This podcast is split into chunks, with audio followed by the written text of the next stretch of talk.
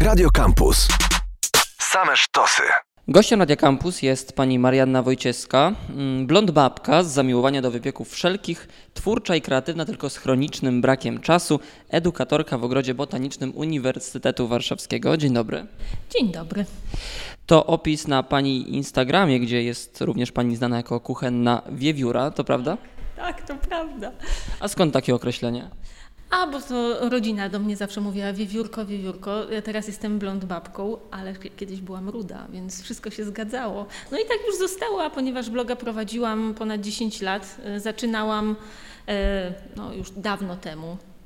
W związku z tym no, byłam tą kuchenną wiewiórą. Siedziałam w domu, siedziałam w kuchni, gotowałam i byłam wiewiórą. Wszystko się zgadzało. No i właśnie, kuchnia dzisiaj będzie w centrum naszych zainteresowań, bo chcemy porozmawiać o wegetarianizmie i o wszelkiego rodzaju mitach, które się z tym wiążą.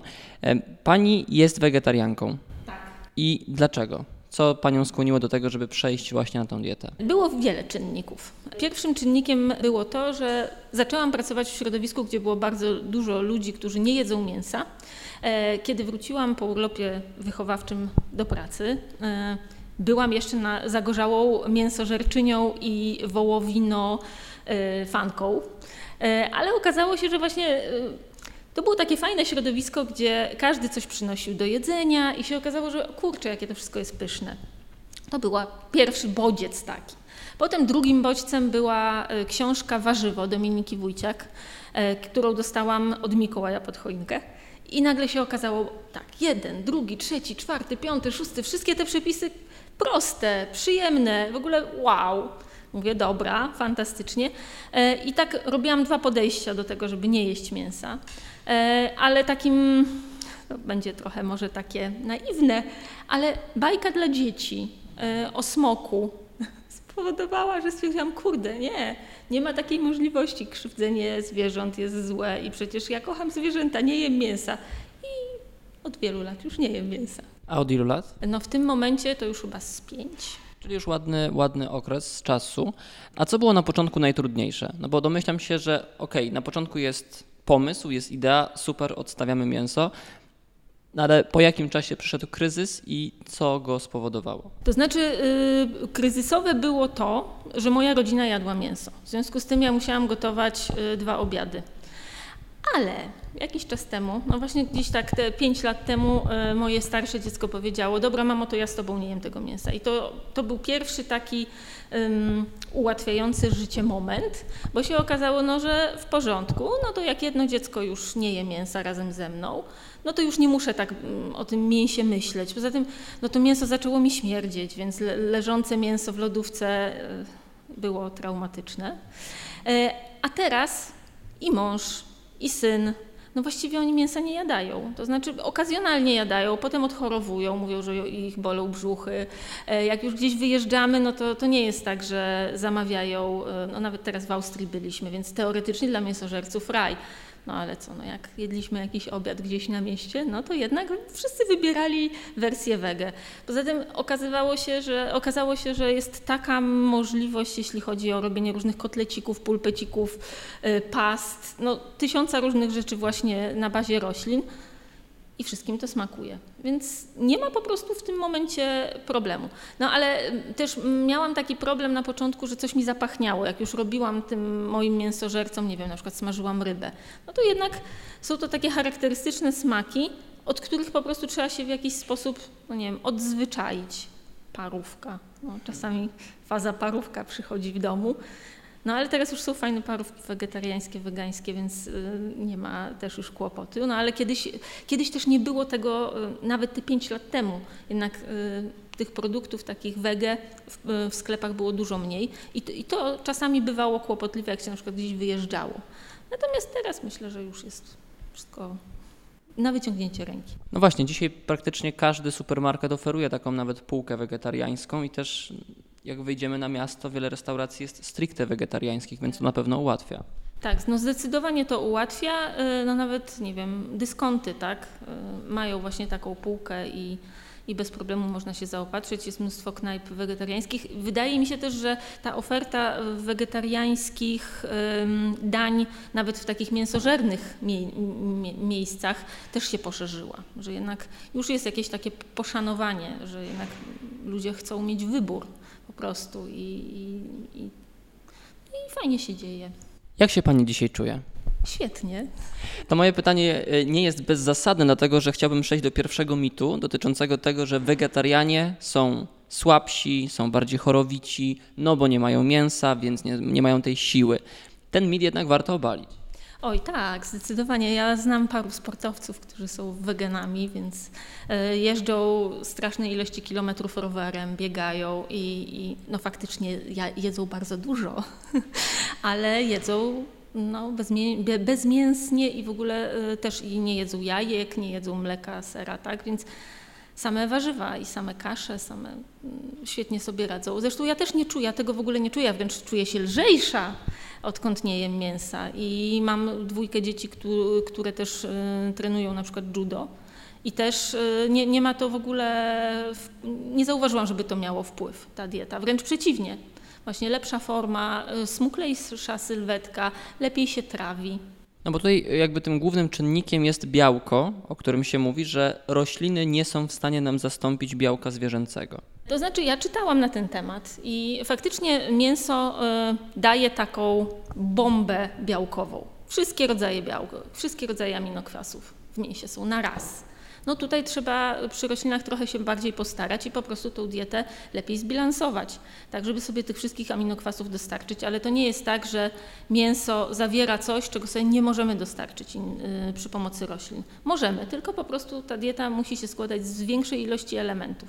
Sam schabowy nie wystarczy. Mówiliśmy już trochę o dzieciach. No właśnie, czy to jest tak, że na tą dietę wegetariańską powinniśmy przejść jednak po jakimś osiągnięciu jakiegoś wieku, czy to jednak dla dzieci też jest bezpieczne? Jak to wynika z Pani doświadczenia? Z mojego doświadczenia wynika, że y, ważny jest bilans i racjonalne y, myślenie po prostu i obserwacja własnego ciała i własnych potrzeb. I no, oczywiście tak jak każdy człowiek, wegetarianin, weganin też musi robić sobie badania. I jak się okazuje, że czegoś nie ma, no to trzeba tego dostarczyć, czy suplementować, czy właśnie wzbogacić o coś jeszcze naszą dietę. Y, mam znajomych wegan, którzy mają dzieci wegańskie od, od samego początku. I te dzieci świetnie się rozwijają, więc wydaje mi się, że mm, no, ja nie widzę mm, jakiegoś takiego radykalnego, e, radykalnej potrzeby dawania małym dzieciom mięsa. Poinspirujmy się trochę wegetariańsko. Taką inspiracją na pewno jest książka Botaniczna od kuchni, czyli sezonowość przez cały rok, której pani jest autorką, która została wydana też tutaj wspólnie z Ogrodem Botanicznym UW. To jest książka pełna inspiracji, która pokazuje, że właśnie jest mnóstwo przepisów, gdzie możemy ugotować rzeczy wegetariańskie, które nie dość, że zastąpią nam mięso pod kątem właśnie dostarczania różnego rodzaju wartości odżywczych, ale nawet trochę to mięso poudają czasami.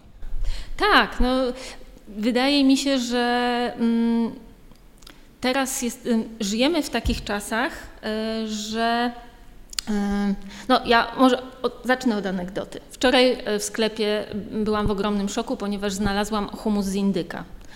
Trochę mi się to kłóci, no bo humus z założenia jest y, po prostu z, ciecie, z ciecierzycy i nie może być z czegoś innego. No, była to pasta z indyka, tak? Ale ludzie szukają schabowego, ludzie szukają y, mielonego, no tego mielony. No, czym jest mielony? Mielony jest zmielonym czymś w postaci kotleta.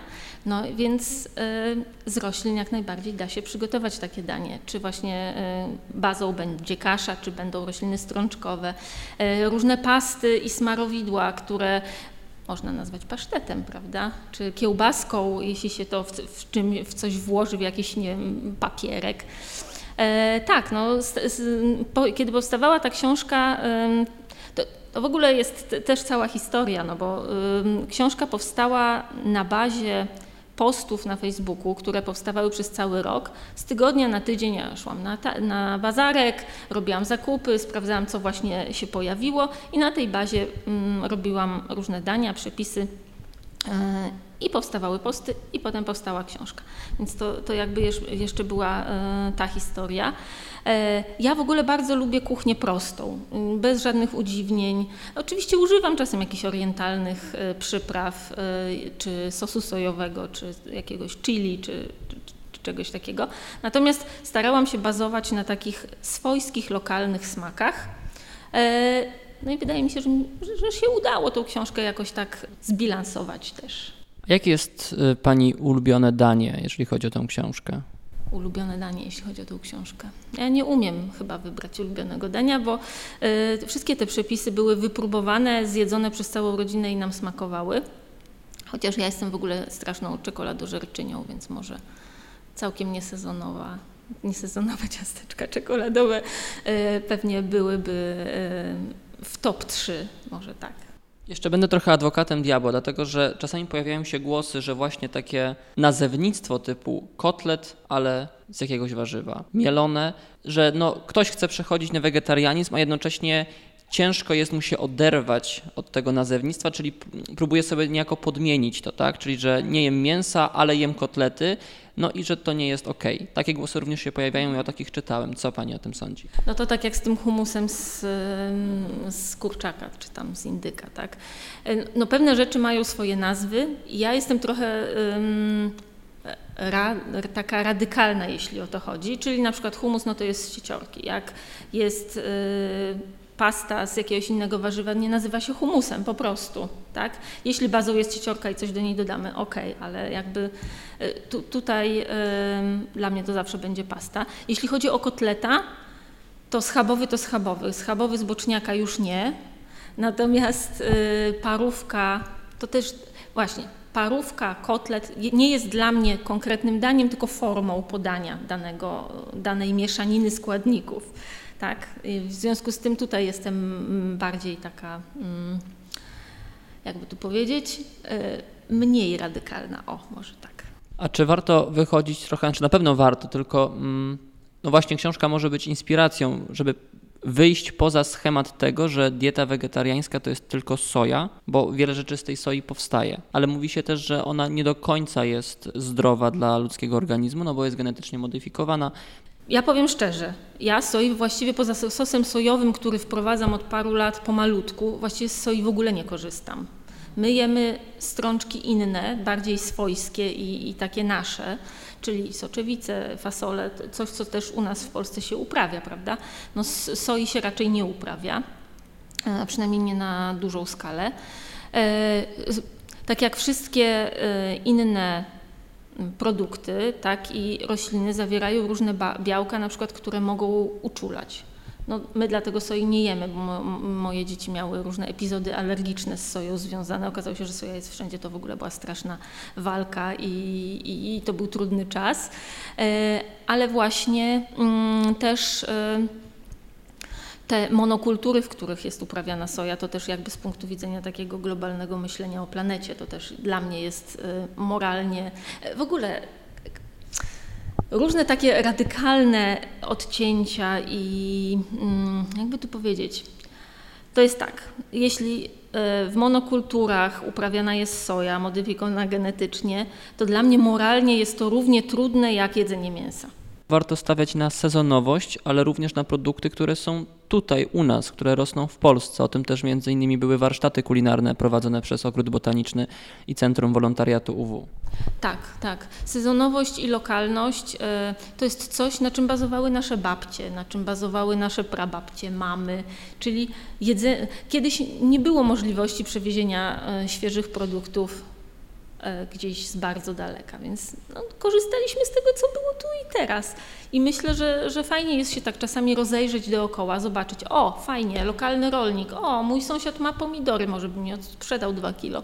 Jakby i na tej bazie y, spróbować funkcjonować. Zresztą nawet duża Warszawa y, ma w sobie gospodarstwo, y, nie wiem, czy, czy Pan słyszał o tym gospodarstwie Majlertów.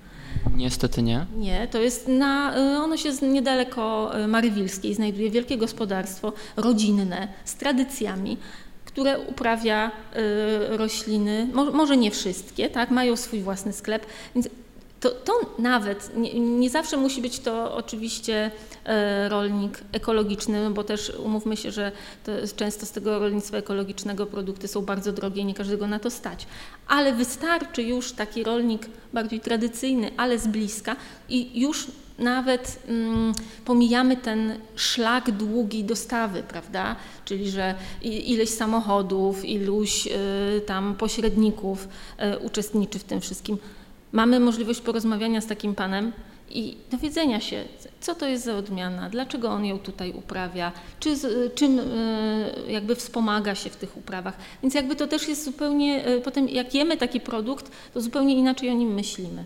Wystarczy, krótko mówiąc, wejść w wyszukiwarkę, wpisać prostą frazę i znaleźć kogoś, kto jest dosłownie za rogiem de facto. Tak, tak, tak. My tutaj y, w 2019 roku w Ogrodzie współpracowaliśmy w ramach czegoś, co się nazywa RWS, czyli Rolnictwo Wspierane Społecznie, z takim y, z Podradomia, małym gospodarstwem ekologicznym. I to jest też bardzo fajna inicjatywa. Y, RWS, czyli tak jak powiedziałam, rolnictwo wspierane społecznie, opiera się na wzajemnym takim zaufaniu, czyli że iluś konsumentów wpłaca rolnikowi na początku sezonu jakiś taki abonament i on ten abonament wykorzystuje do tego, żeby tą produkcję tych wszystkich roślin poprowadzić przez cały sezon, a jednocześnie ci konsumenci co, co tydzień dostają paczkę sezonowych, lokalnych produktów. E, oczywiście może się okazać, że przyszła, nie wiem, jakaś plaga i wykosiło wszystko i e, przez miesiąc się nic nie dostanie, czy przez dwa miesiące. Albo będzie mniej, obro, mniej obrodzi, bardziej obrodzi, no różnie może być.